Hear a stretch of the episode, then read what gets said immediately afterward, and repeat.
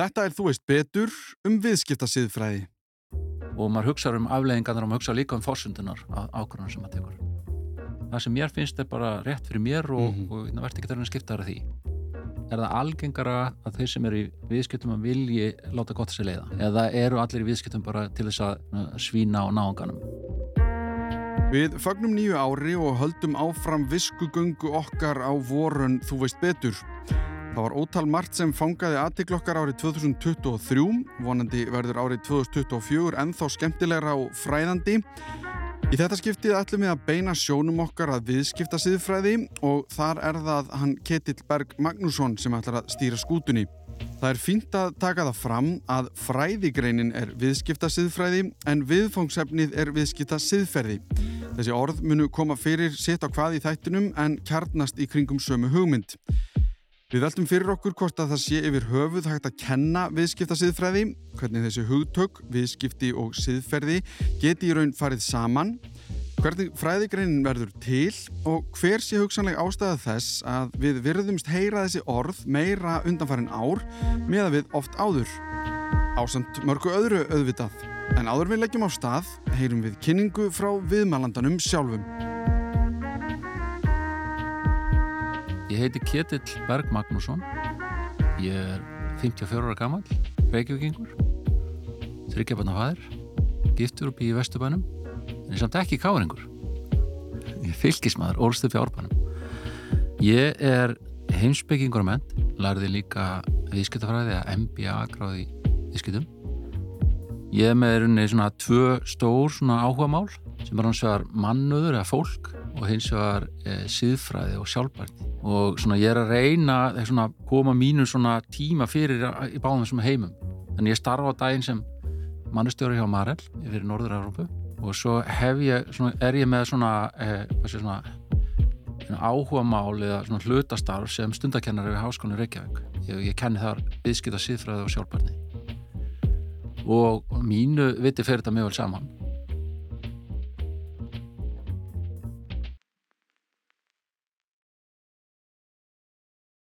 siðfræði ef við byrjum bara þar mm. svo viðskipta siðfræði, siðfræði er, er oft sko tengd sko þetta sem grein af heimsbyggi og hérna, stundum er svona, svona heimsbyggin sem fræðikarinn er svona, svona fjallarinn svona grundvallar hugmyndir skilning okkar á lífinu og hérna, tilganginum og fyrirbærum. Og við höfum svona kannski það sem við höfum eru svona ákveðin tæki og tól sem eru um fyrstanlega kannski gaggrinni hugsun. Þar sé að ákveðin aðferðafræði við að hugsa sem að er stöðut að greina og, og spyrja um fórsendur og, og, og hérna, vilja fá svona ítalegri svör og skilning. Mm. og það er bara svona brennandi áhuga á því hægt aldrei að spyrja akkur, akkur, akkur og hins vegar þá er sko, getur við sagt að það sé svona, svona ákveðin hérna bara rökfræði sem er svona fórsenda líka. Það er að segja maður setur fram einhverja tilgátur og hérna, einhverja staðhafingar hluturinnir eru svona og svo prófa maður það áfram með því að svona getur það staðist og mm. þá fer maður í að reyna að greina hverja fórsendunar eru og þá er maður alltaf inn að hugsa um sko um einhvers konar rökfræði, rökræðu röksemta fæslu bæði er það ofsalega svona almennt eða alþýðilegt bara spurningum að tala og gera sér skiljanlega mm -hmm. en þetta er líka með fræðilegt það er að segja hvernig eru góðar röksemta fæslur og, og það er svona krafan sem við gerum í öllu vísinda starfi ekki bara í vinstarfi, við gerum það líka bara almennt í mörg öðru líka já, já. þannig að hérna, svo er sko heimsbygging oft svona henni skipt upp þú veist, hérna, um, um svona grundallar hugssjónir, hérna hugssjónin um með sanna sem er þá rökkfræði og hugssjónin um með góða sem er þá siðfræði mm -hmm.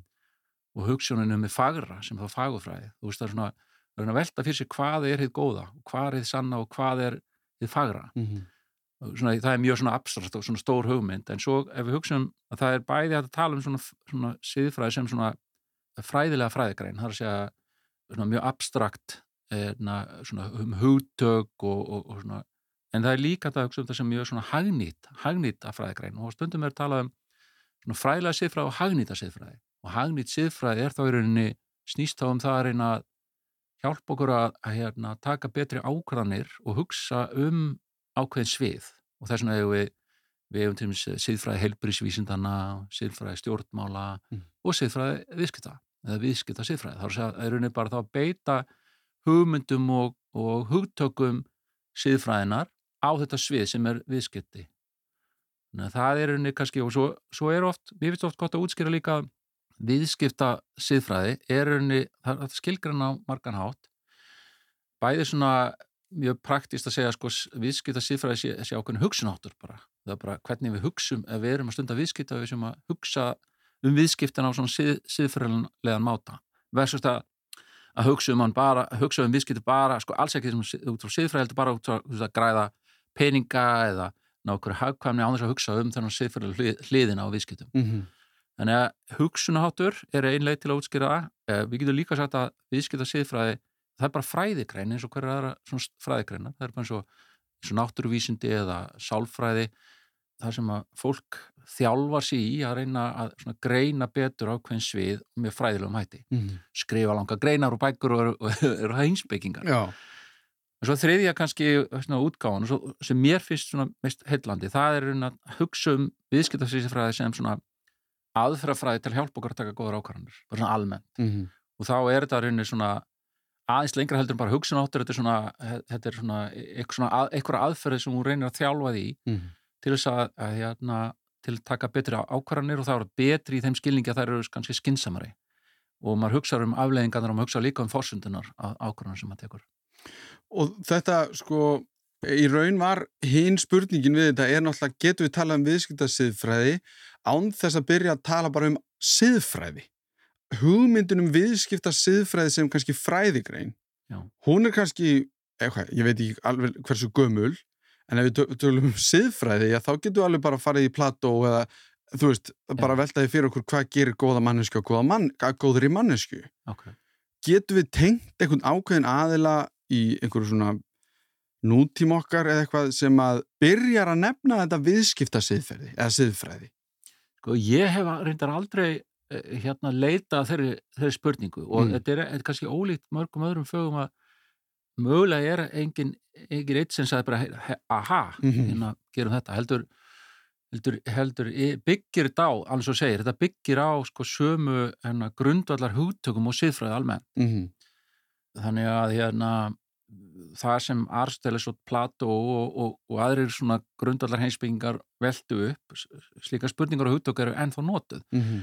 en það sem er ólíkt er kannski það bara viðfónsefni er ólíkt þannig að við hefum ég held að við höfum ennþá eftir að sjá hagnýta siðfræði aðferðir eða greinar sprett upp um málinni sem við vitum ekki eins og að er til ennþá. Það er að segja mm. Þessi hugsun að maður geti, maður þurfa að hugsa um siðferðilega hlutan á akkur viðfársefni, hún er til staður var til staður og það er þess vegna engin tilvíluna að hérna, viðskiptin og, sko, og það að stunda viðskipti skildi líka hérna, kannski, hérna, vilja nýta sér þessa aðferðfræði. Kannski eðli sín eru viðskipti eru samskipti og það er kannski líkillin í svona siðfræði pælingum að það snýst alltaf um ykkur svona, oftast um ykkur svona samskipti mm -hmm. þetta er ekki alltaf, mm -hmm. það má alveg hugsa sér að maður sé einn með sjálfum sér að hugsa um stöðu sína út frá siðfræðilegum aldamálum, en mm -hmm. þetta er yfirleitt er þetta snýst um hvernig við komum fram við aðra og hva, hérna, hvernig er rétt að gera það mhm. En má samt ekki segja að veist, viðskipta siðfræði sé tildurlega nýtt að því eins og þú sagðir þú veist, þegar þú kemur heim 97 þá er helmingurinn af því sem þú ert kannski að eiga við núna, bara hann er ekki til já, já. það er kannski að þessu að orðið viðskiptarsifræði ég man ekki eftir að orðið var við það kannski eru 15 ára úlingar í gang og ekki dendilega mikið að lesa eitthvað sem að inniheldur viðskiptarsifræði eða eitthvað mm. en mér finnst ég heyra það miklu meira núna Já. orðið bara viðskiptasifræði heldur en ég gerði bara fyrir 10-15 árum Já. er þetta sem fræðikarinn líka frekar svona fersk að því leitunni til? Já sko eflaust er það það að segja að hérna að ég held nú reyndar að sko alveg frá því viðskiptin urðu til miklum hætti þar sem þeirra fólk voru að skiptast á að einhver gerði eitthvað fyrir eitthvað og fekk eitthvað greiðslu fyrir mm. Menna, það er ansi langt síðan það mm. byrjaði að þá hérna, held ég nú að þessi element hafi verið til staðar, þess að tröst til dæmis þess að geti treyst í að ef ég læti þið fá þetta sem ég er að fara að láta þið fá að þú láta mig fá það sem þú lofaði mér að láta þið fá mm og þetta er svona grunn element sko hvort sem að fólk hafi nafnið viðskiptasiðfræði e, e, eða ekki þá var það allavega var það að tala um þessi element viðskiptasiðfræðinar hérna, held ég alla götu síðan við byrjum að stunda viðskipti mm -hmm.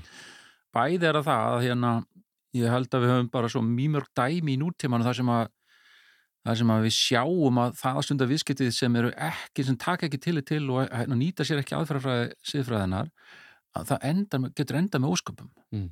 Þegar við erum ekki að, að hérna, huga að eða setja sko, hérna, siðfræðilegu glerugun á áður en við undirbúum okkur undir ákvarðanir þá, þá tökum við ekki inn í inn í jöfnuna hérna, mjög mikilvæga þætti Mm. og við erum ekki nægilega gaggrín það er að verða kannski ennþá ljósara og fólk er að er held ég almennt að átt að sjá því að sko að svona þessi heimsbyggila hugsun, þessa gaggrínu hugsun hún er mjög mikilvæg af því að við erum svo fljóta hérna komið nýjar aðferðir Mm. tæknin fleitir áfram ekki bara það heldur, aldrei í sögunni hefur ný, tækníungar eru svo fljótar að hafa áhrif út um allan heim Mm við erum svo fljóta að dreifa öllum hérna ávinningnum að, að tækníungum og það getur haft í för með sér alveg, alveg gríðalega miklar afleðingar Mm. þess vegna er vegna er kannski aldrei verið mikilvægur heldur núna að við hugsaum um, um svona siðferðilega heimsbyggilega um ákvarðana sem við tökum uh, hérna, í tækni og í, í samfélaginu. Mm. Það er örgulega líka ástæðan fyrir því að þér finnst þú verða meira varfið siðfræði en ég held reynda líka sko bara almennt er það það að meina, bara þegar við, nú ég held ég mun, mundi ekkert eftir þessum, þessum huttökum hérna, en ég var mjög upptekinn aðeins síðan sko, Mhm. þegar ég, þegar ég upp, uppgötaði og ég held að sé líka bara hvað þroski hjá okkur að þegar, þegar við verðum þegar við verðum hérna eldri og þegar við kynnumst mörgum með, með hlýðum þá sjáum við allt í hennu bara já, það er fleira í þessu heldur en bara hvað er hægt að gera Mhm. og hvað er þá hvað er rétt að gera Já. En er þetta þá líka að því að ég held að uh, ég er nýbúin að gera þátt um súkulaði, kaffi, þú veist, og þar er rosa mikið talað um sko siðferðislega partinn af því sko. Mm -hmm. uh, ég líka um tísku líka, þetta kemur allstaðar að. Já. og ég bara veldi því líka fyrir mér að einhver tíman þegar til dæmis vorum að tala um kaffi og ég held að það hafi verið Nestle bara, ég man ekki alveg hvað hann hétt fullunafni en eftirnafni var Nestle og hann var bara að samena mjólk og súkulæði af því að mjólk var svo góð og súkulæði frekar bræði gott og hann var einhver livjafræðingur eða eitthvað slíkt hann var bara að reyna að búa til eitthvað sem fólk hafði gott af Já. í dag er Nestle eitthvað allt, allt annað Mhm. mann er líður stundum eins og það sem hafi verið fundið upp fyrir á tíðum eða eitthvað svona hafi verið einhvern veginn saklausara í sér ég menna þau sem voru að finna upp bílinn Mm. voru bara einhvern veginn í einhverju svona hugmyndavinnu og reyna að búa eitthvað til. Ég efast um endilega að þau hafi vitað að bílinn myndi keira á bensinni sem myndi síðan gera, þú veist, allt þetta. Mhm. sko hefur tíðarandin líka gert það að verkum að því að útgerðir árið 1900 og eitthvað þegar vélbátavæðingin á sér stað eru, þú veist, það er engin samaburður á milli útgerða þá og útgerða í dag. Peningurinn á milli á bara sem 100 árum hann er orðin svo miklu, miklu meiri og á þessum tíma hafa líka orðið til fleiri hlutir, hlutabref og markaðurinn og allt þetta Mhm. þannig að ég er bara að pæla hvort að þessi aukni peningur aukinvöld og allt það hafi sett þetta siðferðslega kannski til hliðar eða, og síðan höfum við fengið þessi áföll kannski að því við getum talað um hrunið og, Mhm. og alls svona hluti sem að eru svona þau eru svona alltaf smá svona vakning þau eru svona smá köld tuska Já. það sem að fólk fer að hugsa býtunum við ég held að allir væru bara að haga sér Mhm. skynsamlega Já. er þetta líka, get, heldur þetta tengist því eitthvað? Já, fyrsta lagi finnst mér þetta náttúrulega frábæra spurninga svo með, það er svona það Það er kannski dálítið stórar Já, nei, það er líka bara, það, það er svona, það eru skapandi og svona koma á stað alls konar hugsunum en ég er na, sko, það er til svo svona kenninga við séum svona sem mannkinn við að þroskast og við séum alltaf að ná auk, aukinni þekkingu og hérna munum læra af Mhm. hennar, af, hennar fortíðin og svona og ég held að mörg okkar hafi upplifað svolítið svona tímabil, sko, eftir setnir heimstölduna þá var svona þá kom svona, þú veist, hérna, já, nú lærðu við eitthvað rosalega verðmætt og Mhm. hérna aldrei stríð aftur og hérna og, og við erum með svona hvað sjóna með um það hvernig svona samfélagi getur orðið svona, þessi, þessi jafnbrettis hugmynd að, að hérna, hvernig samfélagi getur við búið um velferðaríkin og Norrlöndum og svona, þetta er svona, svona sterkar hugssjónir og hugmyndir sem urðu til og, og, og einhver leiti hérna förum við svo í svona tækni byltingar sem að gera það verkum við getum gert miklu meira mm -hmm. og hérna, en ég held samt að að sko svindlarinn í viðskiptum hafi alltaf verið til, einhvern veginn sko einhverju mynd hérna, einhver sem fórum millir þorpa og var að selja snáka á alíu mm -hmm. sem átti að hérna, veit einhver töfra lausn eða eða, eða bara valdið og, og, og svona óréttlátt valdbeiting einokun og vestlun á Íslandi í gegnum aldirnar mm -hmm.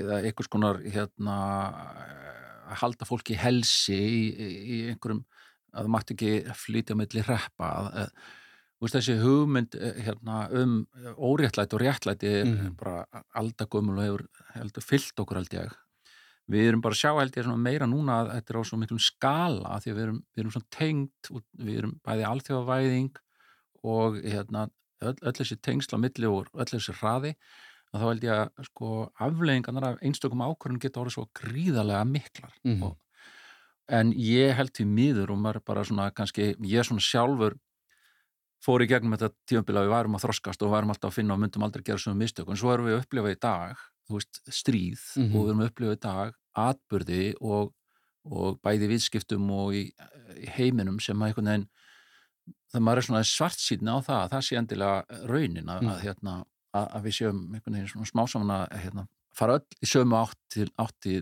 betri heims mm. og það sem er eiginlega, það sem mjög stæla skrittnast er að það er svona eitthvað svona andrökikja er, er líka hérna, er orðin bara vinsæl, það er að segja að neyta trú á vísindum eða neyta trú á staðrendum og hugsa bara um það sem einn valmöguleika mm -hmm. það einhvern veginn var svolítið svona fannst maður svolítið óhugsandi fyrir einhverjum tveimur, þreim áratögum þar sem, mm -hmm. sem að maður held að þetta væri einhvern veginn svona progressíft og það er einhvern veginn líka og, e, það er einhvern veginn líka svona já, heyrðu, bara það sem, það sem þú ert að segja um að rauksenda fæsla skoðanir séu misgóður að þú getur hérna stiltum upp, það á ekki við það er bara hérna það sem mér finnst er bara rétt fyrir mér og, mm -hmm. og, og verður ekki að skipta það því mm -hmm. þannig að þetta er, það er alls konar það er alls konar sjá, ógnir sem standa að sko okkur, hérna bara held ég og hérna sem gera verkum að mínum að það er mjög mikilvægt að við tilengum okkur e, þessan svona heimsbyggila rök, rökfræðilegu og siðfræðilegu hugsun í öllu sem við gerum mm -hmm og það er hérna, en það er held ég mjög, mjög mikilvægt líka að hugsa um svo siðfræði sem svona aðferðfræði en ekki sem bókina með svörunum siðfræðingurinn er, er aðileg sem er að, hérna, er að stúdera aðferðfræðina en hann er ekkert endilega aðileg sem getur síðan beitt aðferðfræðinni hvað best mm -hmm.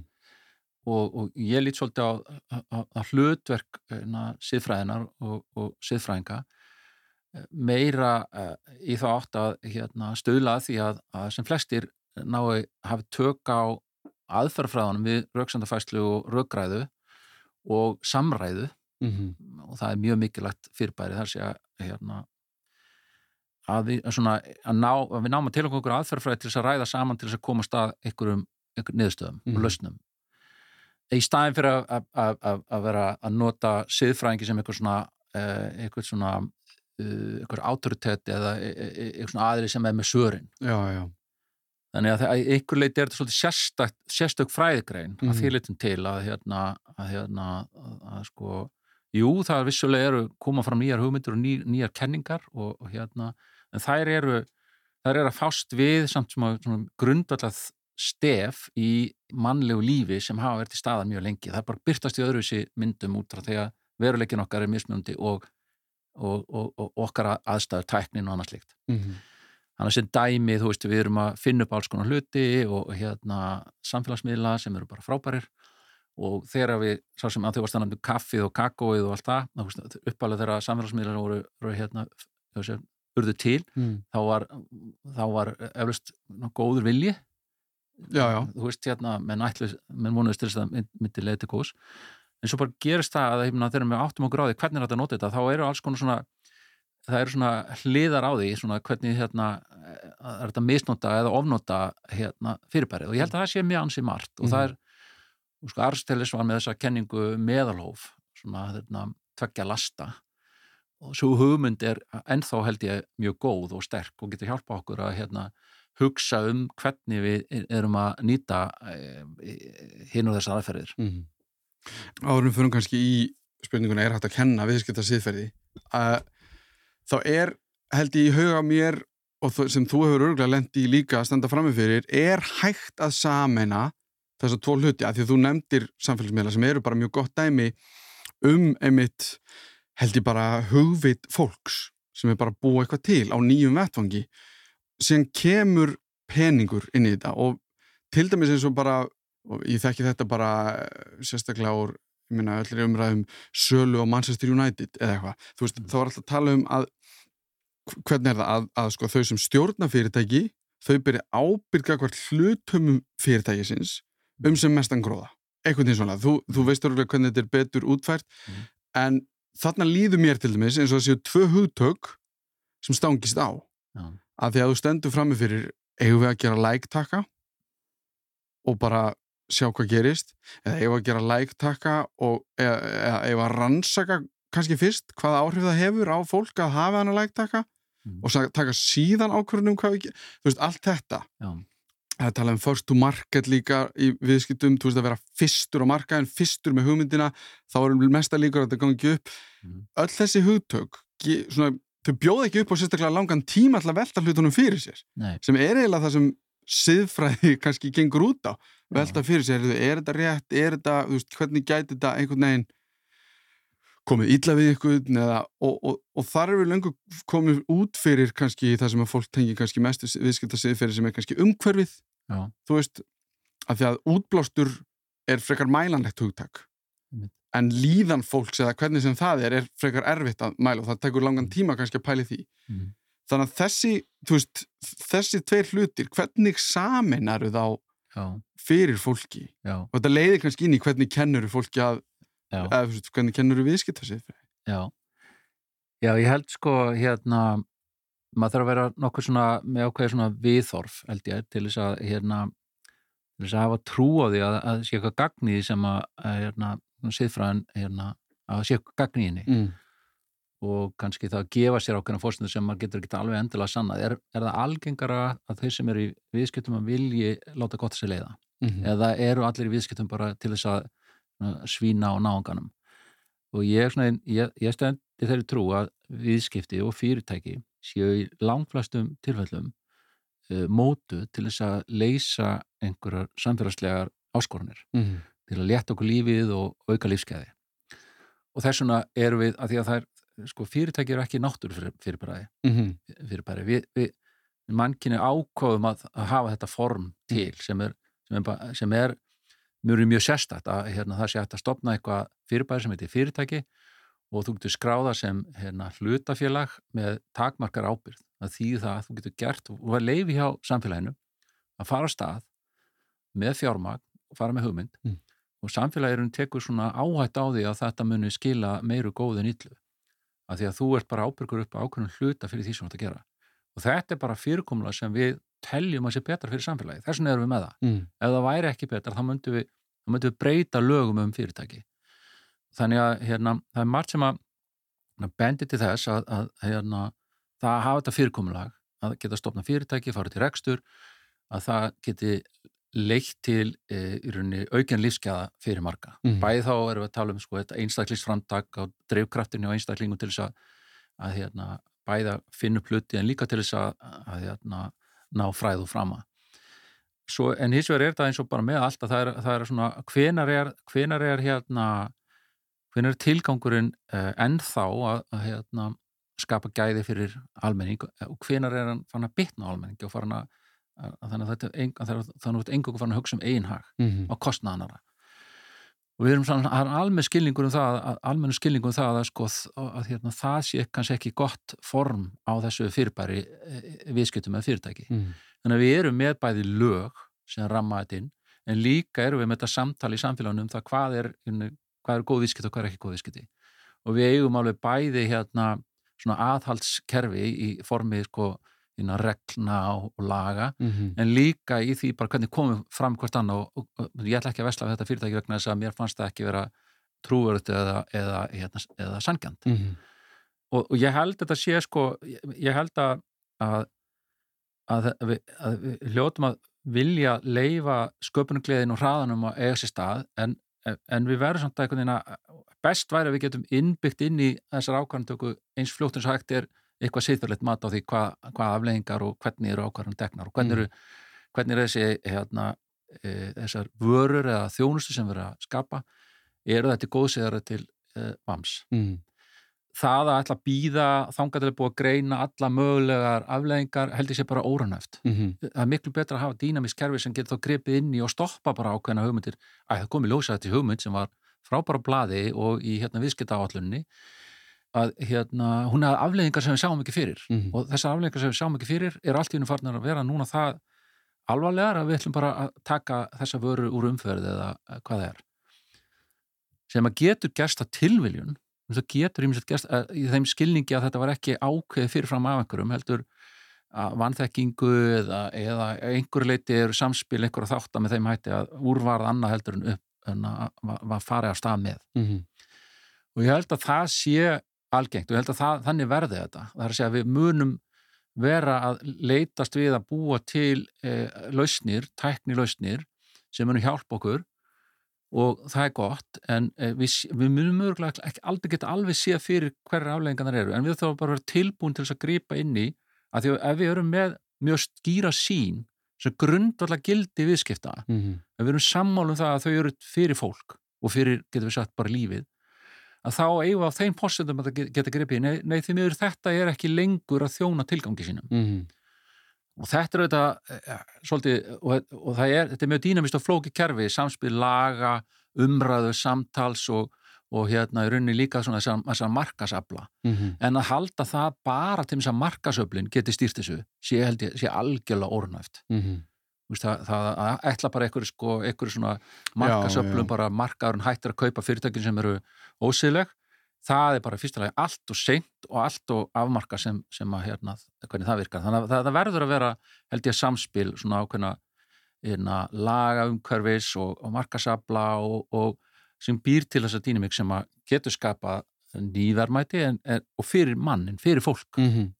Ég ætla líka að taka það fram, sko, ég meinti ekki að það væri gegnum gangandi að fólk einhvern veginn svínaði á öðru fólki eða eitthvað, en hérna, ég held að langmestur meiri hluti af fyrirtækjum er um þetta að svara einhverju kalli. Það er þörf fyrir eitthvað og þá er búin til vara eða hvernig sem það er.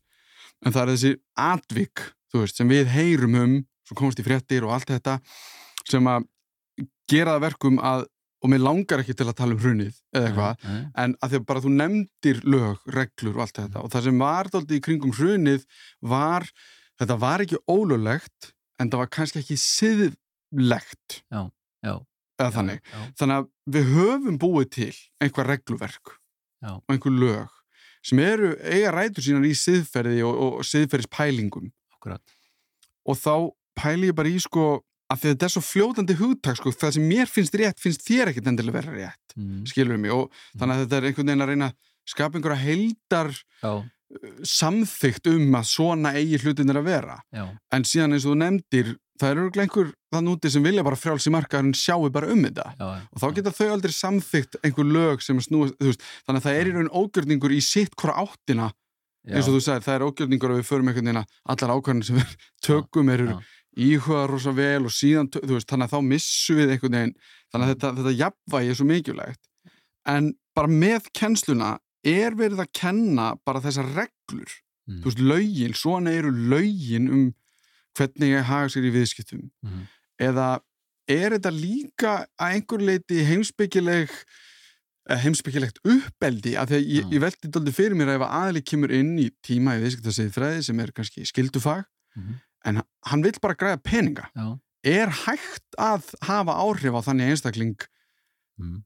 Já, ég, já, sko já, ég, hérna aftur uh, hérna, ég held að sko fyrsta lagi þá er sko markmið með kennslu er að hjálpa fólki að kynnast ákveðnum tólum og tækjum til þess að geta ekki ákvarðanir. Mm -hmm. Hvaða sé að gera við þessar, hérna, þú veist, þetta er ekki innræting. Nei. Þess að kennslan í siðfræði getur aldrei orðið og, og það er kannski ekki alveg markmiðið þó svo að það sé einhverju leiti líka hérna tilgangurinn að, að hérna láta fólk vita hver var uppöðla hugmyndið með viðskiptum mm -hmm. og og svona, kynna þeim umhverfið, svona í hvaða saming er þetta, hverju er við með fyrirtæki og hvers konar fyrirbæri eru fyrirtæki og í hverju færst ábyrðin sem, e, e, e, í því að reyka fyrirtæki þannig að margir sem kannski fórast að með einhverja einfalda hugmyndum að þeir eru bara að fara í viski til þess að græða peninga fyrir sjálfa sig mm. En þegar þeir læra og sjá starra samengi þá átt að sjá því að þetta er ekki alveg svona einfalt ég, ég var alveg til í að hérna, efnast en mér langar að gera það með þeim hætti sem að líka skapar virði fyrir aðra mm. þannig að sko vonandi hefur þetta þessi áhrif að vera að hjálpa fólki að sjá hlutina í starra samengi og að sjá það að þau líka geti átt að sjá því það eru svona ákveðna aðferði til þess að hugsa um viðskipti mm -hmm. sem getur að hjálpa í, í, í hérna framhaldinu en þannig að nei, þetta er ekki sko, þetta er svolítið sko siðfræðin er ekki fræðigræn til þess að kenna fólki reglur mm -hmm. en þetta er fræðigræn til þess að kenna fólki aðferðir til að geta síðan síðan dreyði sínar álíktanir mm -hmm. og þannig að oft segjum við að hérna uh, sko veruleikinu þannig að við erum með eitthvað takninjungar og við förum á stað og við hlaupum hratt með þessar tekníungar og laugin er alltaf svolítið á eftir mm -hmm. laugin um þessar tekníungar verða að skapa, verða að skapa svona, við erum alltaf að fylgja eftir þannig að það myndast alltaf eitthvað svona rúm hérna, frá því að tekníun verður til og það er hægt að nýta með okkur um hætti þá endur til að eitthvað svona laga um hverju reynir að ramma það betur inn mm -hmm. og það stundur köllu við svona gráa svæði þar að segja, er ekki, það er ekki banna með lögum að gera eitthvað ákveði en við getum alveg fært rauk fyrir því að síðfyrlega er það ekki rétt mm -hmm. og það er áhugaverðast og það er einu viðfónsefni viðskiptarsýðfræðina, það er þetta gráasvæði að því að það sem er einu búið að greina með lögum og skilgruna er ekki sérstaklega áhugavert fyrir viðskiptarsýðfræðinga mm -hmm. það er það bara búið að afgreða það er bara að fá svarið í meðlögfræðinni en sko síðfræðin er, er að hvetja fólk til þess að hugsa sjálfstætt, hugsa með gaggrinn hætti og reyna að koma staði sjálft e, e, ekki hafandi kannski lagaraman til að vísa í mm -hmm. heldur mér að anda lagan og anda þess hvers konar samfélag við erum, hvað mm. gildi við en að höfum og, og þá langar við að tala eins um gildi vegna þess að, að því að nú vinn ég hjá alþjóðlegu fyrirtæki mm. Og er í mannusmálum í alþjóðlegu fyrirtæki. Og við erum með starfstöður út um allan heim 33 löndum. Og þá hugsaðum við að sko hérna að því að það er kenningi siðfræði sem að er menningarlega afstæðisikja mm. Hún er svo kenning að, að hérna, það sem er rétt og ránt í siðfræði fer bara eftir því hvað menninga hverja landi segir. Mm. og það er ekki til en algild svör í siðfræði. Og ég held að þetta sé mjög vittlust kenning. Mm. og hérna, hún er bæði vittlust röglega séð en ég ætla ekki að fara út í það hér en hún er líka þess að þetta er ekki raunin af því að bæði höfum við sko rannsókn sem sína að fólk eh, til mis, með mismöndi en að fræðimenn á mismöndi e, í trúabröðum þegar þeir koma saman og, og, og ræða saman og bera saman þá kemur lósa að það eru sömu grunngildin sem eru í þessum viðkendu uh, trúabröðum, getur mm. sagt til alls konar svona öfgahópar mm. en þau eru þau sömu og það er þessi mannhelgi og það er þessi virðing og þetta réttlæti og sangitni og það er það sem ég er uppið að líka með fólk út um allan heim að við erum sammálum að það eru ákveðin, ákveðin grunngildi mm sem við teljum mikilvæg þegar við eigum samskipti og þurfum með störfum og erum í viðskiptum og erum að vinna á fyrirtækjum. Sanginni til mig sé bara mjög stert og raunverulegt mm -hmm. hugtak mm -hmm. sem að fólk skilur eins út um allar heim. Já. Ekki endilega nákvamlega eins en grundvallar hugsunni er svo sama. Mm -hmm.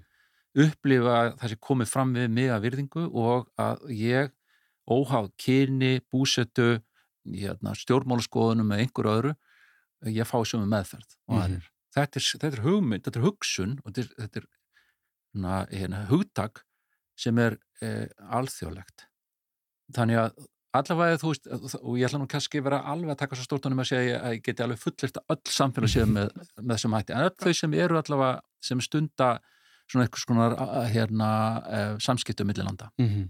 það gefur okkur ákveðan von að hugsa um, sko, þú veist, ef við erum með eitthvað svona ákveðin sam, sameila sem eigum sameila, eins og þessi, þessi grunngildi, mm -hmm. þá er það svona ákveðin hugmyndum það hvað, hvað viljum stefnað. Mm -hmm. Þannig að ég er mjög bjart síðan á að það sé að hægt að beita þessum aðferðfræði, að, þessum aðferðum viðskiptasifræðinar til að nálgast svör við uh, áskorunum í viðskiptum mm -hmm. og tekni. Mhm finnst þér vera sko kynnslóðamunur á að að bara þú ert að tala um þessa mismöndi heima og mismöndi lönd Já. þá er ég að pæla líki í kynnslóðum að því að ég man einhvern tíman að ég held að þessi kynnslóðin sem er aðeins og undan mér sem nær Wall Street æðinu. Eða þú veist, þá minna ég bara Michael Douglas í myndinni Wall Street mm -hmm. og, og, svona þessi ímynd sko. Og mér líður oft eins og að svo kynslu sem er að koma upp núna sé til dæmis mun meira allavega eins og, þú veist, svona meðvituðum umhverfið, meðvituðum, þú veist, og ég, hún, hún sagði það líka, við vorum að tala um tískuna, þau sem eru í, í fatahönnunu núna, mm. snýst rosa mikið um endurnýtingu, hvernig gerum við hlutin einhvern veginn öðri sí, finnst þér, verður þér varfið það líka í, eins og í viðskipta siðfræðinni bara svona heilt já, yfir? Já, ég, ég er ekki frá því að það, og svona, hvað veldur er, þú veist, hérna, þegar þegar allt í ennum flokkun og rusli var orðin hérna svona bara eðlilegu hlutur í skólunum þannig að krakkarnir komið heim og voru að kenna fólöldur sínum við verum að flokka rusl og akkur við erum að flokka rusl Já. vegna þess að þá voruð komið með þessa sterku vitund. Ég held reyndar bönn séu mjög hafi mjög svona eitthvað neina, neina, það er létt fyrir þau að hugsa hérna, í stórumyndinni út frá siðfræðu heinsbyggi mm -hmm og hérna, réttlætiskend verður hérna, svona, þroskast hjá, hjá börnum Þau eru líka með... góði að segja afhverju það er rosalega góði einsbyggilega og, og svo hérna svo er bara áhugast að sjá þeim svo unglinga þegar þeir eru að æfa sig og þeir eru að ég held að sér undir svona bara, þetta er heilastöð sem að, og það er mjög áhugaverð hlið á siðfræðin sem er svona sálfræðileg siðfræði, það er svona tauga sálfræðileg siðfræði, mm. hvar er það sem þessar hugsanir eiga sér stað og hvernig Hva, er það munur á fólki eftir því svona, geta, geta heila skada til þess að hafa áhrif á, á hérna okkar viðmið og það er svo sannlega þannig. Að því meina þetta er samkend einhver leiti líka, þú veist þetta er ef, ef við skortir samkend að þá kannski áttu erfiðara með að hugsa er Akkurat. það sem ég er að gera Já. hvað áhrif hefur það á náungan Akkurat. Það eru hérna, það eru semst ákveðin element sem að hérna, gera það verkum við getum eigum mögult með að setja okkur í spór annara og hérna hugsað um það hvernig það ætli, hvernig ætli að sé að vera þessi sem er í samskiptu við mig mm -hmm. og hvernig hérna get ég, hvernig, hvernig væri þá rétt fyrir mig að koma fram. En hérna, ég, sko, ég held að kannski það sé svolítið til í svona að spyrja um það eru kynnslun sem er komið fyrir einhvern veginn öðru ég held að hver kynnslu fari gegnum ákveðin sammeila reynslega heim mm -hmm. og, og mögulega eru hérna, kynnslun sem er að vaks og grasi núna bara hefur einhvern veginn verið oftar í þeim aðstæðan þar sem, að, hérna, þar sem þau hafa verið að ræða um og hefur bent á eða sjálf uppgötað að það eru, það eru, það eru að gera hluti með uh, á góðum og slæmum hætti. Mm. Um umhverfismál hafa náttúrulega verið alveg gríðarlega mikið umræðinni og eru uh, sem betur fer. Bæði miklu dýbri og miklu víðfemmari og, og eru áhrif okkar á, á hérna, umhverfið er orðið svona og svona raunverulegt með öllum myndunum af, mengun með plasti og, og, og hérna, tala ekki um eh, loftlagsbreytingum mm. eða, e, og þannig að það hérna held ég að skapi þetta, þetta umhverfi e, fyrir þá kennslu sem er komið upp sem er allt í unni farin núna að, að hérna, vera meðdari og tala ekki um sko í jafnbrytti mm. þeirra hérna, kynvitund til þess er eitthvað hugtak sem var ekki til þegar við vorum alast upp en núna er veginn uh, og eðlilega og, og sem betur fyrr er, hérna, umræðan opnast og, og því, því yngri sem maður, maður er þegar maður tilengar sér svona nýjar hugmyndi þeim þjalli verða er mm -hmm. ég held það sé bara með siðfræðan eins og spila golf, ef þú byrjar nú að snemma mm -hmm. að spila þá ertu veginn með þetta bara alltaf já, já.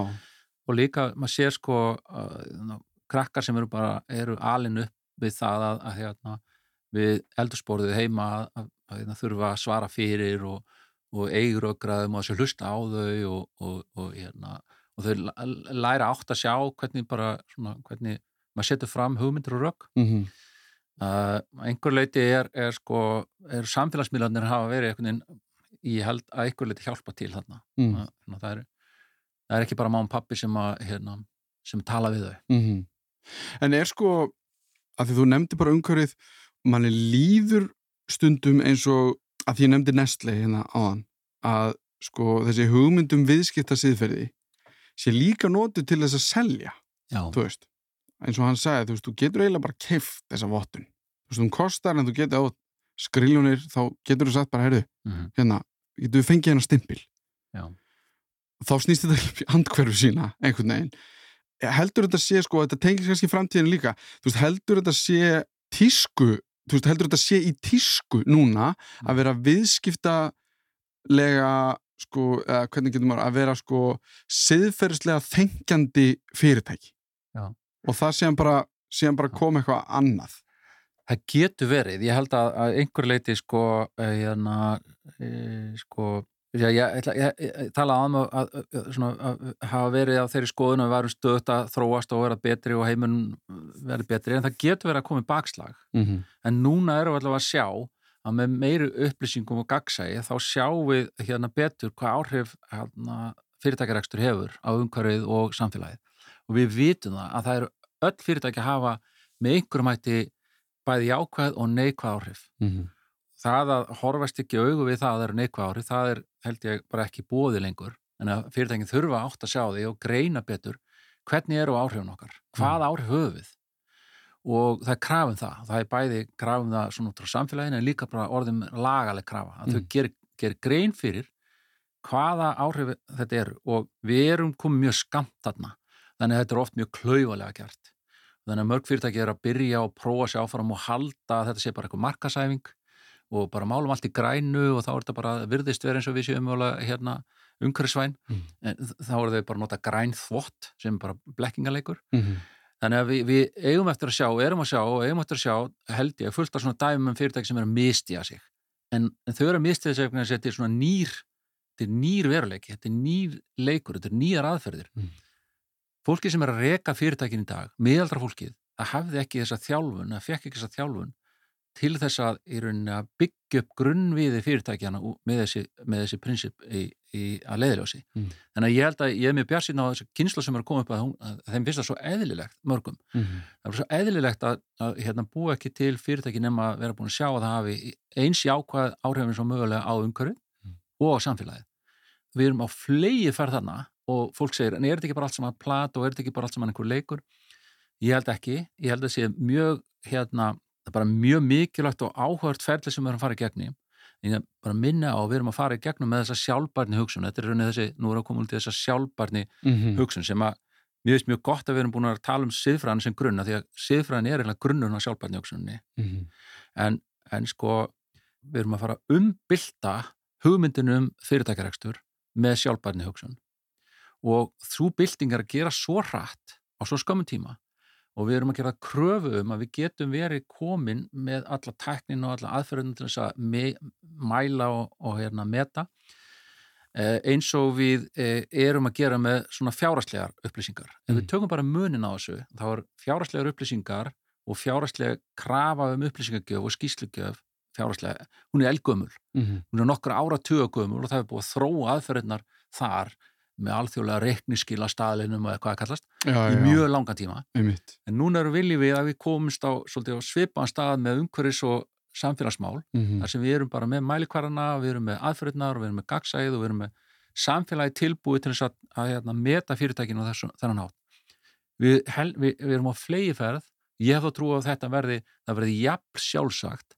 að meta árangu fyrirtækja út frá fjárháslegum ávinningi eins og við hefum hingað tilgert eiginlega bara mm. Og út frá þeim sem áhrifum sem að fyrirtæki hefur annars vegar á samfélagið og hins vegar á umhverfið. Mm. Það verði ekki langt ánga til þetta verði auðvitað, það verður bara svo eðlilegasti hlutur heimi og fyrirtæki í rauninni bara, þetta verður svo sjálfsæð krafa mm -hmm. að okkur finnst eða fáralt akkur vorum við nokkuð tíman með eitthvað aðra leið til þess að meta hvort að fyrirtæki er rétt á, á tilvistarétt eða ekki. Mm við erum kannski á þessum gráa tíma þú veist þessu gráa siði sem þú talaði smá um aðan mm. að því þú talaði líka um ofta regluverkið aðeins eftir á og það er ekkert skrítið með við tímanum sem við lifum á þar sem allt gerist bara á 0-1 og tækniframfæri núna bara síðust 20 árum hafa bara gert það verkum að við allt í hún eru bara eins og einhver mannabi í, í, í, í borg sko og við vitum ekki neitt hva, einhvern veginn hvað snýr upp og hvað snýr niður.